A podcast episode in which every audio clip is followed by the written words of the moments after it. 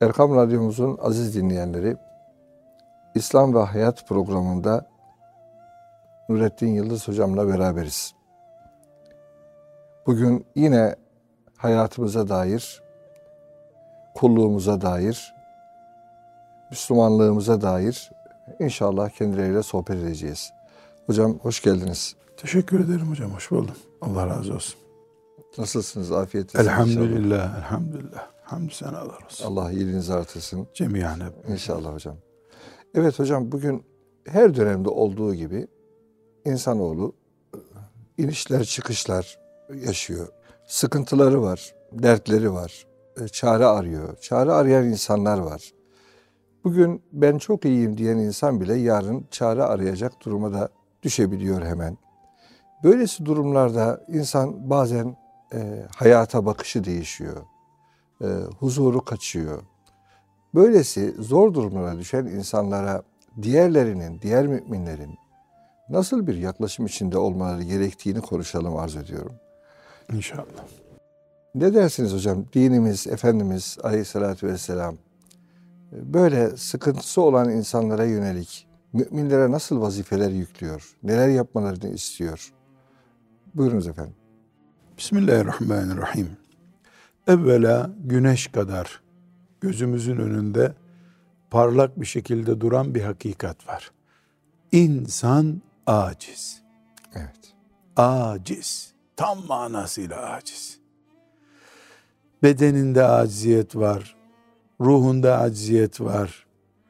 isteklerinde, beklentilerinde, hatta zenginse zenginliğinde insanı öyle yaratmış ki Rabbimiz Celle Celaluhu bütün faniler gibi. Aciz. Ne demek aciz? Her şeyi istediğin gibi yapmak kudretin yok. Hani zengin olur, güçlü olur, pehlivan olur, bazısı olur. İyi de süreklilik garantisi yok. Evet. Şimdi mesela insanlar düşünürler ki birisinin çok parası varsa işçi tutuyor, bekçi tutuyor. Ya onun korkusu fakirde bile yoktur. Zenginin uyurkenki endişesi var ya, fakir fakirin yani hasretinde olmayacağı şeyler. Fakir zaten yaşıyor. Mesela sporcu, güçlü. Fakat o sporcu, o güçlü, o puzzle'lı insan öyle kalabilmek için normal insandan daha fazla endişe taşıyor. Destek alıyor. İnsan aciz. Evet. Bu acizliği biz hep işte Afrika'daki fakir insanlar olarak yorumluyoruz. Hep hastanede hastalıktan kıvranan insanlar olarak yorumluyoruz. Yanlış bu. İnsanın sadece paraya ihtiyacı yok. Sadece ilaca ihtiyacı yok. Moral de en çok aciz olduğumuz alanlardan birisi. Her halükarda 24 saatin belki 10 saatinde hissetmiyoruz. Belki normal ya da gaflet uygusundayken acizliğimizi hatırlamıyoruz ama insanız, aciziz. Dolayısıyla Allahu Teala'nın dışında acziyeti olmayan bir mahluk yok. Adı üstünde mahluk zaten. Evet. Yaratılmışsın sen bir defa. Her şeyin kemali, zirvesi, önü açık olan, bütün fırsatlarda önü açık olan sadece Allahu Teala'da. Kul olarak aciziz. Bunu kabul ettik mi biz? Bu birinci büyük gerçek. İkinci büyük gerçek. Biz Acizler Federasyonu gibi yaşamak zorundayız. Nasıl mesela engellilerin bir bölümü bir dernek kuruyorlar. Evet. İşte Görme Engelliler Derneği diyorlar. Esasen 7 milyar insan ve onların içinde özel bir kadro olarak Müslümanlar, müminler Acizler Federasyonu, Acizler Derneği gibi yaşamak zorundayız. Hepimiz bu derneğin doğal üyeleriyiz. Yani birbirimize tutulmak durumundayız. Başka? Ya öyle Evet. ya da acziyet, zavallılık, başta hastalık, fakirlik olmak üzere bizi ezip bitirecek. Bu nedenle biz bu Acizler Derneği'nin tabii üyesiyiz ya, federasyonunun tabii üyesiyiz biz. Bu üyeliğimiz bizim için ibadet diyebileceğimiz bir alan açıyor. Evet. Neden federasyon diyoruz? Çünkü bedenen acizler bir, bir tür yapılanmada. Mali acziyeti olanlar bir tür yapılanmada. Çocuğu öldüğü için moralsiz olanlar bir tür yapılanmada. Bütün bu dernekler hepsi toplanıp bir federasyon oldu. Evet. Kulluk çatısı altında hepimiz birimiz öbürünüzün payandasıyız, desteğiyiz. Bunu sözle yapıyoruz. Bunu e, parayla yapıyoruz. Bunu bedensel olarak tutup kaldırarak, destekleyerek yapıyoruz. Yanında durarak yapıyoruz. Mesela cenaze günü gidiyoruz bir mümin kardeşimizin cenazesinde onun ailesinin yanında duruyoruz. Aslında sana orada yemek veriyorlar filan bir sürü dertsin onlara ama olsun. Zavallılık gününde, acizlik gününde ana kaybetmiş, baba kaybetmiş gidiyoruz orada bedensel bir destek veriyoruz. Gözünün içine giriyoruz. Başsağlığı diliyoruz. Bu bir destek işte. Evet. Bütün bunlar bizim bu federasyona üye oluşumuzun tabii gerekleri. Bunu yapmamız mükemmel bir insanlık. Evet. Hangi çeşidiyle olursa olsun. Çünkü dedik ki çok yönlü ihtiyaçlı kimseler olarak bir aradayız. Biz mükemmel bir insanlık nerede yapıyorsak Allah'ın rızası da orada bulunuyor. Evet. Allah'ın rızası insanlığı icra ettiğimiz her yerdedir. Biz Müslümanlığı sadece seccadeyi serip iki rekat namaz olarak, kılmak olarak görünce eksik bakıyoruz Müslümanlığa demektir. İnsanlığımız da bir Müslümanlık çeşidi evet. bizim. Hocam bu e, tam burada şöyle İbn Abbas radıyallahu anhuma ile ilgili bir şey anlatılır. O işte bir itikaftayken hani kendini mescide, Mescid-i Nebi'de. Evet, Mescid-i Nebevi'de e, bir adam geliyor yanına oturuyor. E, o da yüzüne bakınca anlıyor herhalde. Herhalde bir sıkıntın var senin diyor. Var diyor ey e, Resulullah'ın amcasının oğlu. E, falanın üzerinde bir hakkı var diyor. Bir alacağı var. Benim de durumum yok. Ama onu gördükçe daralıyorum diyor. Günü adeta. gelmiş borcum var. Evet. Günü gelmiş. Peki diyor e, benim onunla konuşmamı ister misin diyor. Siz bilirsiniz efendim diyor. Pavuçlarını arıyor. Mescitten dışarı doğru çıkarken adam hatırlatıyor. Diyor ki efendim siz diyor itikafta değil miydiniz? Hani dışarı çıkmanız doğru değil gibi. Bu da diyor ki şu kabirde yatanın hakkı için diyor. Ee, daha ondan duyduğum söz kulaklarımda çınlıyor adeta. İşte bir Müslüman kabirde Efendimiz'i kastediyor. Efendimiz Aleyhisselatü Vesselam'ı kastediyor.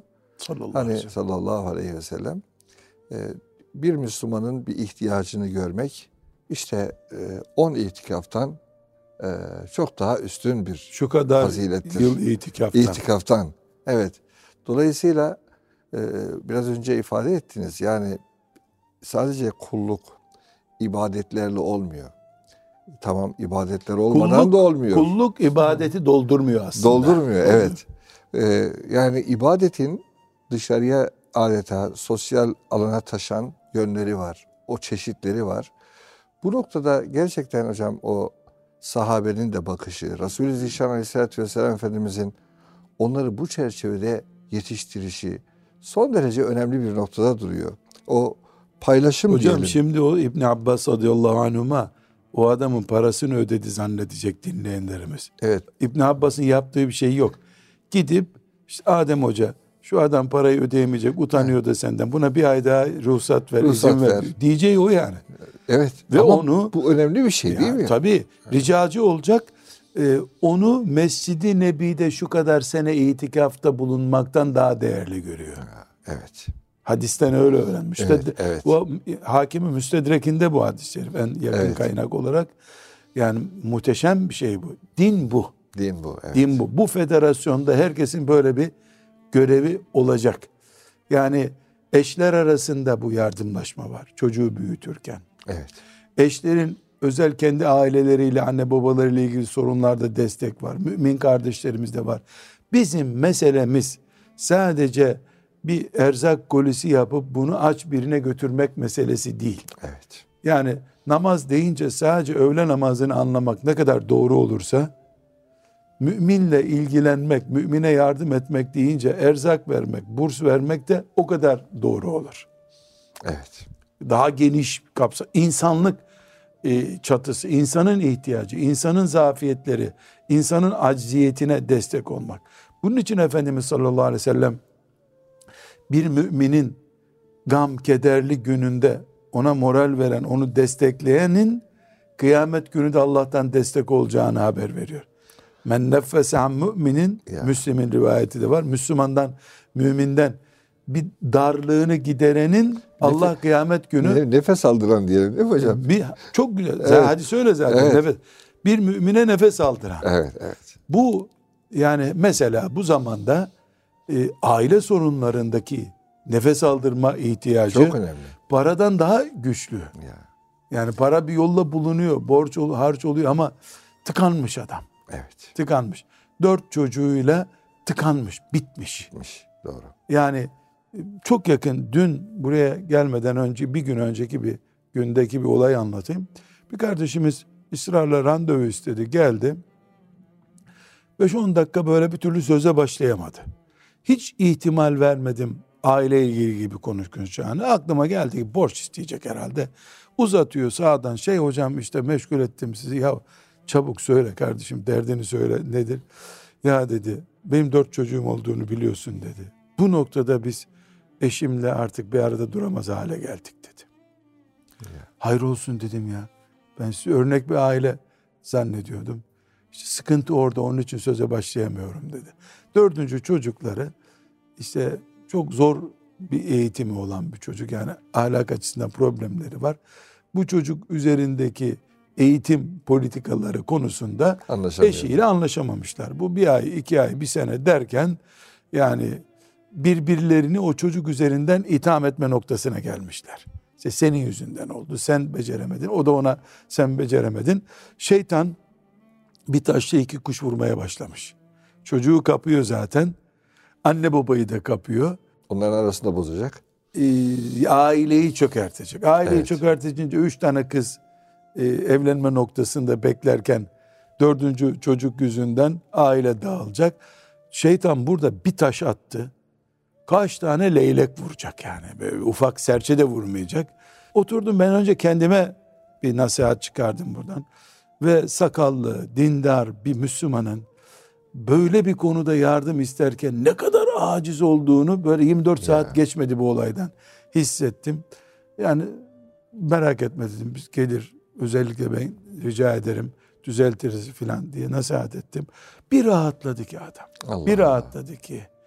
Müslümanlık zannediyorum böyle zamanlarda birbirimize kardeşliğimizi ispat etmek bakımından bu asırda en kritik zamanını yaşıyor. İşte hocam o insana cebinizden çıkarsanız 20 bin lira verseniz problemini çözemiyorsunuz değil mi? Servet verseniz ne yapacak? Ya onu onunla gitmek lazım işte. Orada onu bir konuşmak lazım. Belki bir dinlemek lazım. Değil mi hocam? Yani hakikaten- Esasında mesela o arkadaş bana geldi ama onu dinledim, haksız olduğunu anladım. O haksız bu konuda. Yani eve nadiren uğrayan birisi talimatlarla çocuğu yönetmeye çalışıyor. Annenin de hani derler ya boğazına kadar gelmiş. Anne de bunu almış. Üç kız çocuktan sonra büyümüş erkek çocuk. Bu bir problem. Yani problem derken kötü manada değil. Evet. Yani üç kızdan sonra Anadolu'da doğmuş bir erkek çocuk dedelerin, nenelerin, amcaların, Herkesin- halların el üstünde tuttuğu Evet, evet. bozulmaya müsait. Evet. Bozulmaya müsait. Eğitimin disiplin bölümünden uzak tutulan bir çocuk umumiyetle. Bozulmayacaksa da o kızakta tutuluyor. Çok önemli bir konu bu. Baba bu hataya düşmüş. Evet. Anneyi yalnız bırakmış. Çocuk 15 yaşına yaklaşıp da böyle etrafı dağıtmaya başlayınca bu çocuğu niye böyle yaptık akıllarına gelmiş. Hocam bazen insan gerçekten e, mesela çocuklarıyla ilgili de biz zaman zaman biz de karşılaşıyoruz. Gelenler oluyor. E, hocam aklım tutuldu şu an diyor. Ne yapacağımı bilemiyorum diyor. Yani işte yavrusu e, belki bir evlilik sıkıntısı yaşıyor. Başka bir şey- sıkıntısı var. Ya şu an diyor bana bir şey söyle. Yani ben ne yapayım? Nereye gideyim? Nasıl oturayım? Adeta e, öyle bir insan bir e, tam bir şaşkın bir hale düş- düşüyor ki tam da orada belki o insanın yanında olmak, ona üç cümle söylemek veya sadece derdini dinlemek e, gerçekten çok büyük bir e, onun gönlüne bir pencere açıyor adeta. Hocam madem öyle bir parantez için cümle söyleyelim. Evet. Bu trafik kazasında acile gelen hasta gibi. Aynen öyle. Çocuğu 3 yaşındayken, 5 yaşındayken, 7 yaşındayken, ikinci çocuğu 3 yaşındayken onları alıp bir pedagogun, bir hocanın nasihatine giden olmuyor ama. Olmuyor. Evet. Yani o zaman kolay büyütüyor. Yani her dediğimi yapıyor. Çikolata aldın mı susuyor zaten. Esasen çocuk 7 yaşındayken, okula verirken, hafızlığa verirken, çocuğu tatile götürürken, mesela şu şu şu akrabalarımızın bulunduğu köydeki evimize gideceğiz. Oradan bu çocukla nasıl yaşayalım diye sorana, şu kadar binlerce soru soran arkadaştan rastlamadım hiç. Tatile giderken, tatilde ne yapılacağını çocuk eğitimi bakımından Evet. sorana rastlamadım henüz tatilde kuzenleriyle berbatlık yaptıktan sonra ne yapacağını sorana rastlıyorum hep. Evet. Yani bir korunma tıbbı, bir ön tedbir tıbbı, hemye Evet. deniyor ya hadis-i şerifte. Asıl mesele o hocam. Bunu yapmadığımız, evet o kardeşimize de ilgileneceğiz. Ama zannediyorum ki eğitimcilerimizin, pedagog kardeşlerimizin nasihatlerini önceki bölüme yoğunlaştırmaları lazım. Yani bir şey olmadan Olmadan şu önce, Allah doğru. mağfiret etsin. Var idiyse öyle bir kimse. Nasreddin Hoca testiyi kırmadan çocuğu şamarlamış ya. Yani testiyi kırdıktan sonra tokatın ne faydası var demiş. Bu çok önemli. Yani bu bir fıkra tabii Evet, neticede ama e, bu önemli. Yani testi kırılmadan tedbir, Tedbir almak. almak gerekiyor. Kimse buna mesela biri birine aşık olmadan sormuyor bu bana uygun mu? Aşık oluyor, ana itiraz ediyor, baba itiraz ediyor. Aileler birbirine giriyor, ne yapalım diyor yani. Burada kefen pazarlamaktan başka yapacak bir şey kalmıyor Yani, kimseye. Evet. Bu, bu, bu yanlış. Yani bunu parantez cümlesi olarak koyalım da konumuz dağılmış İnşallah. olmasın. Hocam kısa bir ara verelim. Devam edelim inşallah. Süremiz bitti diye işaret ediyorlar bize yine. Aziz dostlar kısa bir aradan sonra devam edeceğiz inşallah. Değerli dinleyenlerimiz e, Nurettin Yıldız hocamla İslam ve Hayat programı ikinci bölüm olarak devam ediyoruz. Hocam Mevlana'nın şöyle güzel bir sözü var. E, diyor ki sen diyor dumanla dolmuş eve pencere açmak kabilinden gamla dolmuş gönüllere de diyor pencere aç. Bu diyor o içerideki dumanı bir çıkar. Ee, bu diyor senin için çok büyük bir hayır olur. Tam da bunu konuşuyoruz aslında. Ee, bir de hocam yol diyor, gösterelim. Diyelim ki borçlu bir insan e, ya da alacaklı bir insan var. Diğer tarafı sıkıştırıyor. Bu ne kadar haklıdır? Evet alacağı var. Bir şeyler söylemesi lazım. Ama Cenab-ı Hakk'ın da tavsiyesi var değil mi hocam? Diyor ki ya ona biraz süre ver. Hatta affedersen diyor çok daha iyi. Yani dinimizin bu anlamda e, Nazıratün ila meysere. evet Kur'an'ımızın Resulü Zişan Aleyhisselatü Vesselam Efendi- Efendimizin bu anlamda darda kalmışlara ya hocam işte yolda kalmışa diyor bir bir şey e, e, verin diyor, infak edin diyor belki. Yolda kalmış adam. Memleketinde zengin ama onun bile sıkıntısını gör, çöz diyor. Yani ayet-i kerimede bu anlamda birbirinizle bu anlamda yardımlaşın, paylaşın, derdini dinleyin, derdine ortak olun anlamında birçok tavsiye e, doğrusu görüyoruz. Bu noktada hocam mesela bugün mali anlamda, ekonomik anlamda e, son derece darlık çeken insanlar var. Yani bunları rahatlatma adına e, evet ben devlet miyim kardeşim her şeyi ben mi yapacağım demek e, bir başka bir tavır. Ama bir de elinde ufak tefek imkanın var. İşte evinde bir çorba kaynatabiliyorsun. Ne yapabilir insanlar? Evvela hocam zannediyorum bu zamanda ekonomik olarak Müslüman kardeşlerimize yapılacak en büyük yardım israfsız sade yaşamaya alışın kardeşim diye eğitim vermek herhalde. Yani bir, bir Evet. koruma önce bir korumayı alışacağız. Etme, israfa alışma. Buna rağmen bir sebeple gerekli, makul bir nedenle veya başka bir sebeple harca borca düşmüş bir Müslümana gerektiğinde biz götürüp bu ayki taksitine yardım edeyim sana aciz gelmesin, elektriğin kesilmesin deriz. Evet. Bu bir çeşit. Komşumuzla bu apartmandaki filanca kardeşimizin elektriği kesilecek artık deyip bizim ödeyemeyeceğimiz kadar ben mesela bir çorba ile idare eden birisiyim diyelim. Yönlendirme yaparak başkalarının ona destek olmasını sağlayabilirim. Efendimiz sallallahu aleyhi ve sellem ne buyuruyor? Aracı olun sayenizde Allah bunu kurtarsın ve siz de sevap kazanın buyuruyor. Evet. Yani ben veremiyorum. Verebilecek birine söylüyorum. O veriyor. Ben de sevap kazanıyorum. Veren de kazanıyor. Böyle olabilir. Her halükarda yani yapacak bir şey muhakkak bulurum diye uğraştım, uğraştım. Hiçbir şey de bulamadım. Ben yine sevap kazanıyorum. O yolda çırpındım. Evet. Gayret ettim çünkü.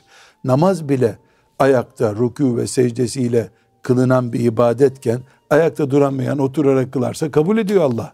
Yani namazın bile eksik gibi durmasında bir sakınca yok eğer bir özürden kaynaklanıyorsa.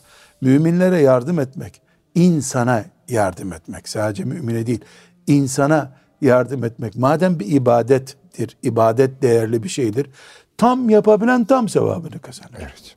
Yarım yapan yarım kazanır. Bunu sözle yapan sözle kazanır. Evet. Hocam İbn Arabi'nin e, şöyle bir sözünü hatırlıyorum. Muhittin İbn Arabi Hazretleri'nin o Fütuhat'ın son bölümlerinde o tavsiyeler bölümü var da diyor ki Allah senin karşısına bir muhtacı çıkardı. Veya birisi geldi sana bir derdini anlattıysa diyor. Ya sen bizzat çözebilecek konumdasın ki Allah sana onu duyurdu. Ya da diyor çözecek birine vasıta olabileceksin ki yine Allah seni diyor burada deniyor. Ee, o o problemin çözümünde sen bir mutlaka bir rolün vardır. Yani bu da güzel bir bakış açısı aslında.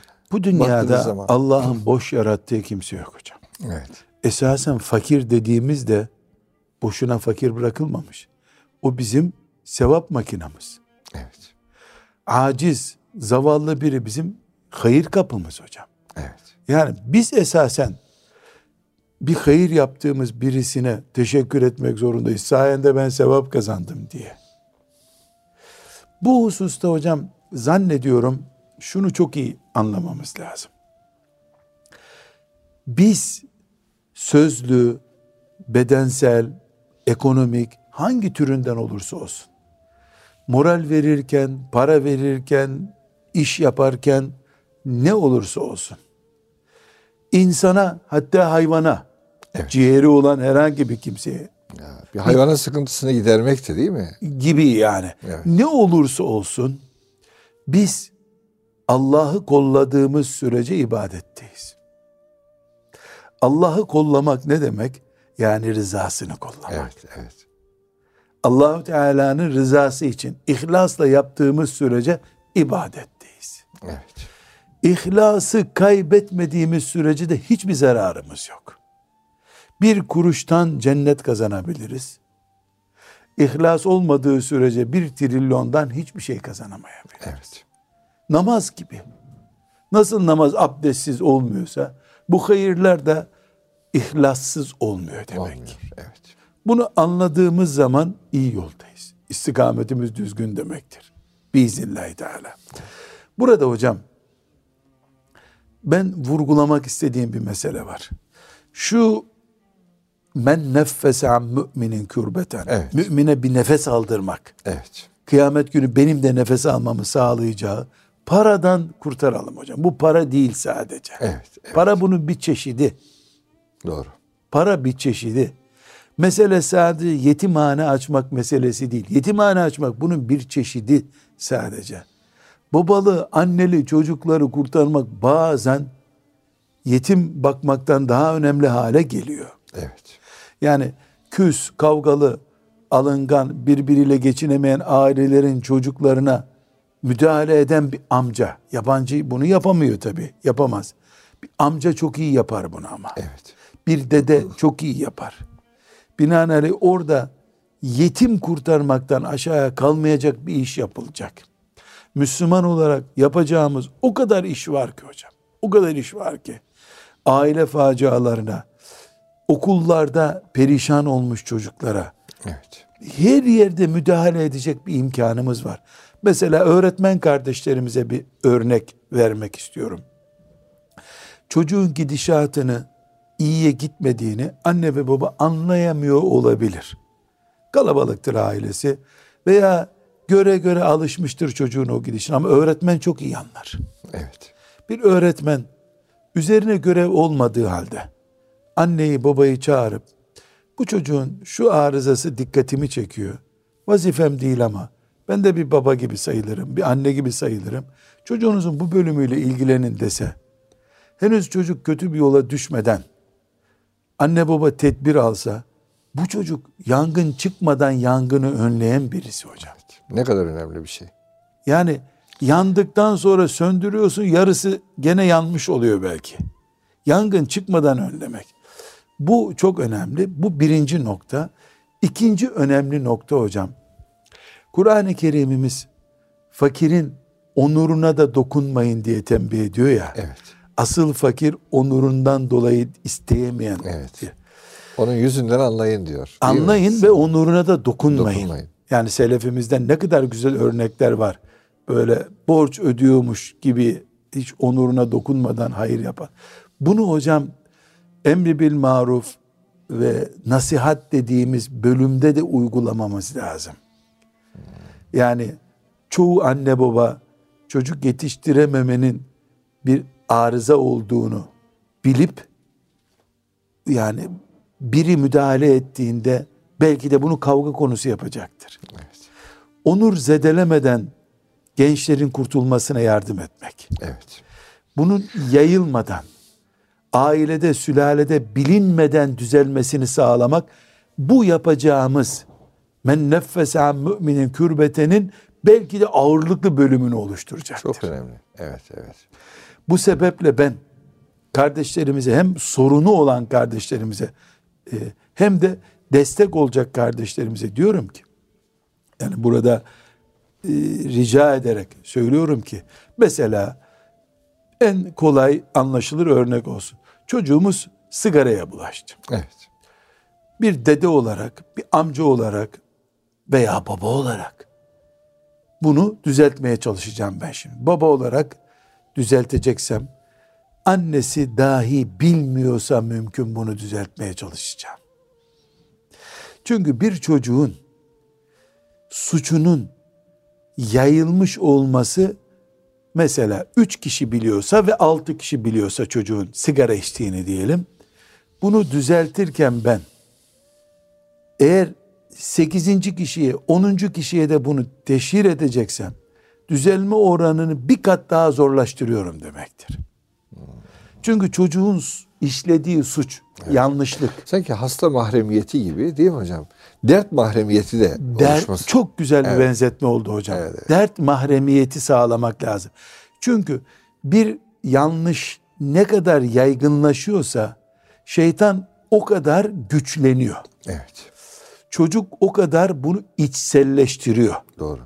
kanıksıyor deniyor ya ondan sonra düzelme oranı da o kadar zorlaşıyor. Yani kanserin yayılmış şekli gibi bu. Evet. Bir küçük organda kaldığında doktorun müdahalesi çok kolay. Kesip atıyor orayı kurtarıyor. Bütün bedene yayılınca git eve artık diyor. Evet.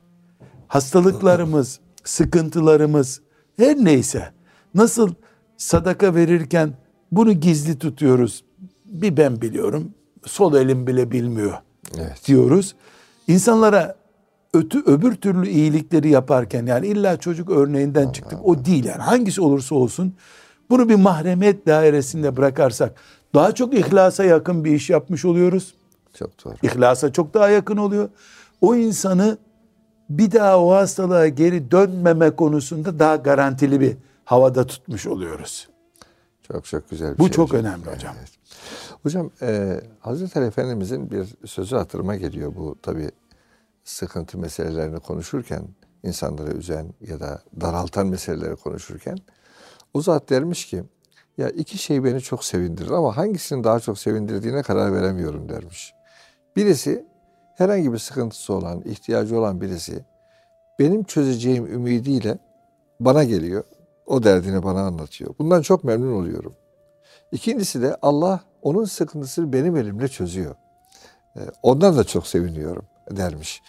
Bu da bir gönül meselesi e, değil mi hocam? Yani şey anlamında ya kardeşim ben doktor muyum? İşte ben psikolog muyum? Ben şey miyim deyip insana kapıyı kapatmak var. Bir de samimice dinlemek var. Ya inşallah biz de elimizden geleni yapalım. Hiçbir şey yapamadın. E, dua edersiniz. Ben bir mi? iyilik çeşidi söyleyeyim hocam. Evet. Duadan daha önemlisi. Evet. Bu anlattığın benim anlayabileceğim bir konu değil. Sen filancaya git Evet. desem bu adama büyük bir iyilik nereye gideceğini biliyor. Biliyor tabii. En azından. Şimdi hastaneye geldim ben hasta olarak diyelim. Nerede muayene olacağımı bilmiyorum. Evet. Diyelim ki mesela işte bir yerimde bir şişik var. Bu cildiyenin konusu mu, nörolojinin konusu mu, dahiliyenin konusu mu? Şimdi modern tıp ilerledi de aile hekimine gidiyorsun o nereye gideceğini söylüyor sana. Söylüyor doğru. O olmasa nereye gideceğini bilmiyorsun. Her doktorun kapısına gidiyorsun bu benimle ilgili değil, bu benimle ilgili değil. Gün bitiyor. Bu arada sıra alamıyorsun hastanede. Yani ben ona bu benim düzeyimde bir konu değil. Dediğim zaman da iyilik yapıyorum aslında. doğru. Yol gösteriyorsunuz en azından. Bu bizim başımıza çok geliyor. Yani gelenlere diyorum ki yanılıyorsun bu hoca konusu değil. Evet. Acilen doktora git. Psikoloğa da gitme. Psikolog konusu da değil bu diyorsun. Çünkü insanlar hemen ilk işleri hem ucuz hem bedava hocaya gidip okunalım diyor. Okunmak bunun çaresi değil. Okunmanın ilginin faydalı olacağı alanlar var. Elbette. Ama e, çekiçle eline vurmuşum bu okunarak geçmez bu. Bunu doktora gideceksin gibi. Yani en azından nereye gideceğimizi anlatıyoruz. Dua dediniz oraya gelelim. Sizin hemen vakit makineniz devreye girmeden. Doğru hocam. Şimdi biz dua edin edelim derken ben bir e, cümleyi hatırlatmak istiyorum. Allah razı olsun diyoruz kardeşimize. Ama bu Allah razı olsun dediği için ona teşekkür eden bir Müslümanı hatırlamıyorum ben de dahil. Çünkü Allah razı olsun bize bir sakız çeşidi. Allah razı olsun abi Allah razı olsun. Ya bunun kadar tatlı cümle var mı dünyada? Değil mi? Ya Allah razı olduktan sonra bir şey kalmadı zaten. Ya. Bunu da bir mümin söyleyince de bir şey kalmadı elhamdülillah. Birbirimize Allah razı olsun. Allah şifa versin. Allah hayırlı etsin. Cümlesini söylediğimizde çok büyük iyilik yapıyoruz. Evet. Çok büyük. Bunu takdir ediyor olmamız lazım. Hem camiden çıkarken Allah kabul etsin cumamızı diyoruz. Bunu önemsemiyoruz. Allah razı olsun senden kardeşim diyoruz. Onu önemsemiyoruz. Bunlar hep hazırı tükettiğimiz hatalarımız bizim. Evet. Hazır tüketiyoruz. Ama ala hal dua diye bir başlık var birbirimize yapacağımız işte. Bir müminin bir mümine borcunu ödemede yardım etmesi elbette mübarek bir iş. Kur'anlı bir iş bu bir defa. Yani Kur'an'da geçen Tavsiye bir iş. edilen bir Ama. Kur'an-ı Kerim'in o birbirinizin borcuna yardım edin emri kadar ortaya koyduğu işlerden biri de gıyaben mümine dua etmektir. Rabbena diye başlayan dualarımızdan bizi bizi mağfiret et. Bizden önceki mümin kardeşlerimizi mağfiret et, bizi mağfiret et diye dua etmektir. Şimdi o zaman şöyle bir e, ayrı bir iş yapalım. Ben bir hoca efendiye, bir şeyh efendiye gidip şöyle bir derdim var. Çocuklarımdı, param yoktu, dairemdi, hastaydı neyse. Bana lütfen dua edin diyorum. Bu İslami bir görev mi? İslami bir görev. Evet. O hoca efendi de elini kaldırıp şeyh efendi ya Rabbi bu mümin kuluna yardım et diyor. Bu Peygamber sallallahu aleyhi ve sellem zamanında ashab-ı kiram zamanında yapılan bir iş. Bu bir sünnet. Birbirimize Dua, dua, etmek. etmek. Doğru. Ama bunun bir tık yukarısı var. O benden dua istemedi. Fakat ben sabah namazını kıldıktan sonra teheccüde kalkıyorsam teheccüden sonra ya Rabbi filanca kulunun şöyle bir derdi var. O benden bir şey istemedi ama sen ona yardım et ya Rabbi. Bu yerle göğü birleştirecek kadar mübarek bir iş. Çok mübarek bir iş bu. Bunu geliştirmemiz lazım. Evet.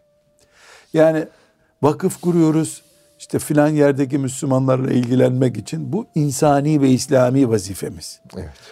Bir vakıf kurmadan hazır kurulu iman çatımız altında birbirimize dua etmeyi geliştirsek var ya nasıl ben para verdiğimde o mümin rahatlayacak. Gidip çocuğunu taşırken yardım ettiğimde, hastaneye götürdüğümde men neffes an müminin oluyor. Para kadar güçlü mü değil mi benim duam? Belki paradan da daha güçlü mü değil mi? Elbette güçlüdür hocam. İman Güçlüdür. ediyorsak böyle. Öyle. Bir de hocam tabii e, Yüce Rabbimize öyle dua edince, öyle hele hele içten dua edince, gıyabında dua edince, Habersiz. habersiz. Kim bilir Allah sizin gönlünüze bile onun o problemini çözme adına ne ilhamlarda bulunacaktır. Duanın sonucunu bilmiyoruz. Bilmiyoruz. O çözüldü çözülmedi. Ben dua ederek kazandım. Hiç çözülmedi ama çatlıyordu. Genişlik verdi ona Genişlik Allah. verdi Kalbi Allah. genişledi. Huzur buldu. Çocuğunun hastalığıyla daha rahat ilgilenmeye başladı. Evet. Daha eşine karşı merhametli olmaya, saygılı olmaya başladı. Bizim dua ne sonuç getirecek onu arama vazifemiz ve hakkımız da yok zaten. Doğru. Onu karıştırma hakkına sahip değiliz biz. Biz dua ediyoruz. Duamızın kabulü o mümine ferahlık getiriyorsa para vererek bedensel destek olarak kazandığımdan daha fazlasını kazandım belki ben. Evet. Onun için müminler arası ve teavenu alel birri ve takva ve la teavenu alel ismi vel udvan. Takvada ve iyilikte yardımlaşın. Yardımlaşın. Kötülükte sakın yardımlaşmayın. Emrini duaya da taşımamız lazım. Hocam bazen e, mesela o Asır suresinde hani birbirinize e, sabrı tavsiye edenler müstesna diyor. Şimdi siz sabrın ehemmiyetini bilen bir hoca efendi olabilirsiniz. Ya sabır çok kıymetli bir şeydir. İşte Allah sabredenlerle beraberdir. Bunu biliyorsunuz. Fakat sabredilecek bir hal başınıza geliyor. Bunu bilmenize rağmen bir başka dostunuz, kardeş Allah sabrı cemil ihsan eylesin. Böylesi zamanlarda sabır insana e, Allah'ın yardımını getirir diye tavsiye ettiği anda yeniden uyanıyorsunuz. Yeniden kendinize geliyorsunuz. Hocam cerrah da öbür cerrahla tedavi oluyor. Aynen öyle. Kendi kendini ameliyat eden cerrah yok dünyada. Cerrah yok. Evet ölüm herkesin başında tamam. Ama bir dostunuz gelip "Ya, el hukmü lillah, inna lillah ve inna ileyhi raciun. Ya biz hepimiz Allah'a gideceğiz. Allah onu imanla götürmüş. Maşallah bak güzel şeyler anlatıyorsunuz. Deyiverdiğinizde gerçekten muhatabın gönlüne Senin müthiş imtihanın bir- bu diyoruz. Evet, Sen de imtihan olacaktın diyoruz. evet, evet. Sen sadece hoparlör değilsin. Sen bir insansın diyoruz. Elbette hocam. Elbette. Yani ashab-ı kiram bunu birbirine yaptılar.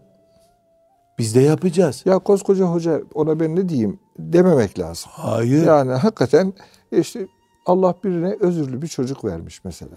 Bakıyorsunuz. Evet kolay bir şey değil.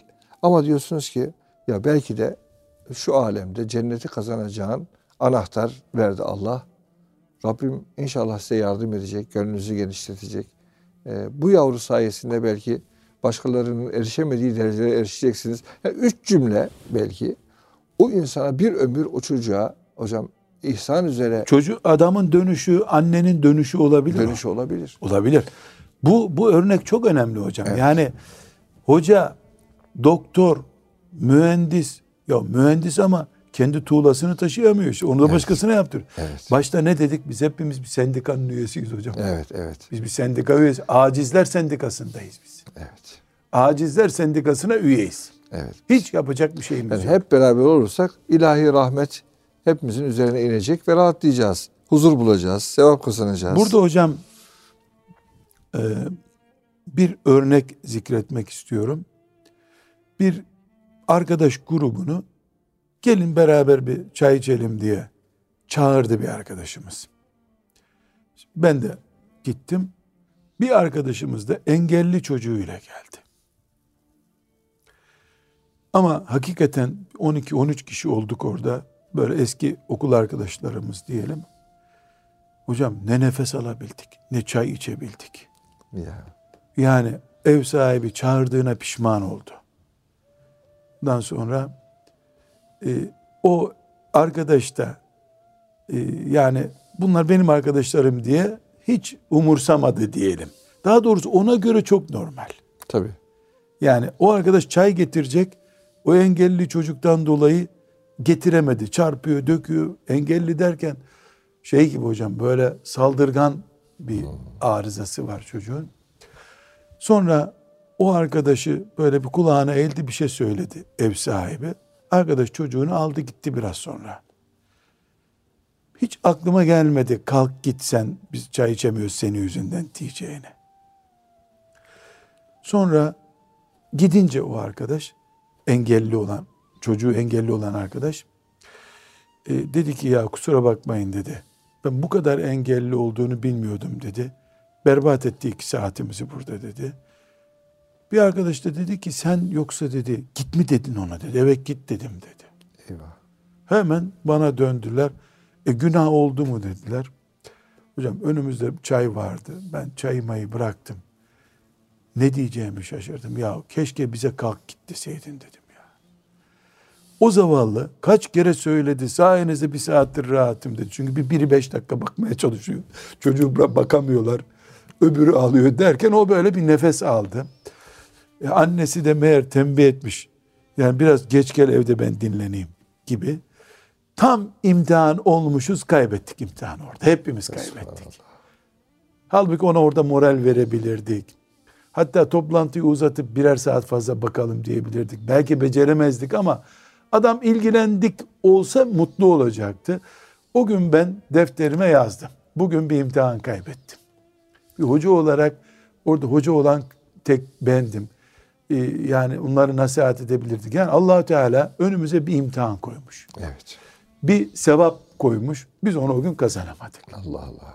Şimdi özellikle engelli çocuğu olan, hastası, ağır hastası olan kardeşlerimizin belki paraya hiç ihtiyacı, o arkadaşın paraya hiç ihtiyacı yoktu. Paraya ihtiyacı yok. Ama bedensel desteğe çok ihtiyacı var.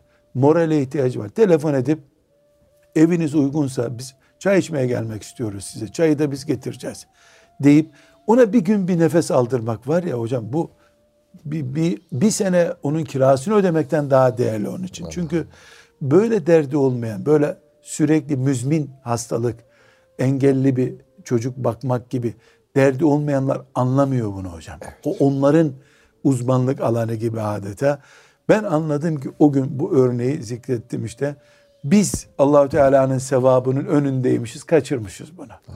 O ev sahibi arkadaş da kaçırmış Hocam tabii. Cenab-ı Hak gerçekten hani bollukta ve darlıkta e, sizi imtihan ed- ediyoruz. E, varlıkla, yoklukla.